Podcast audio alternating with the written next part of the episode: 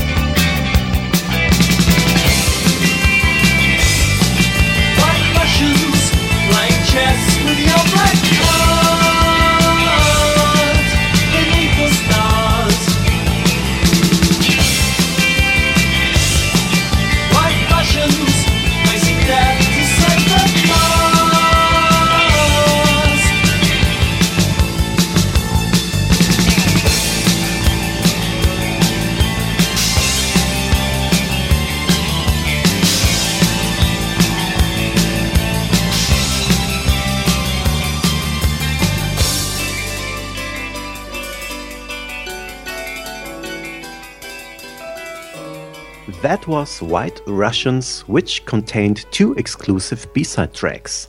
By the way, two of the best B-sides released in the music history in my opinion.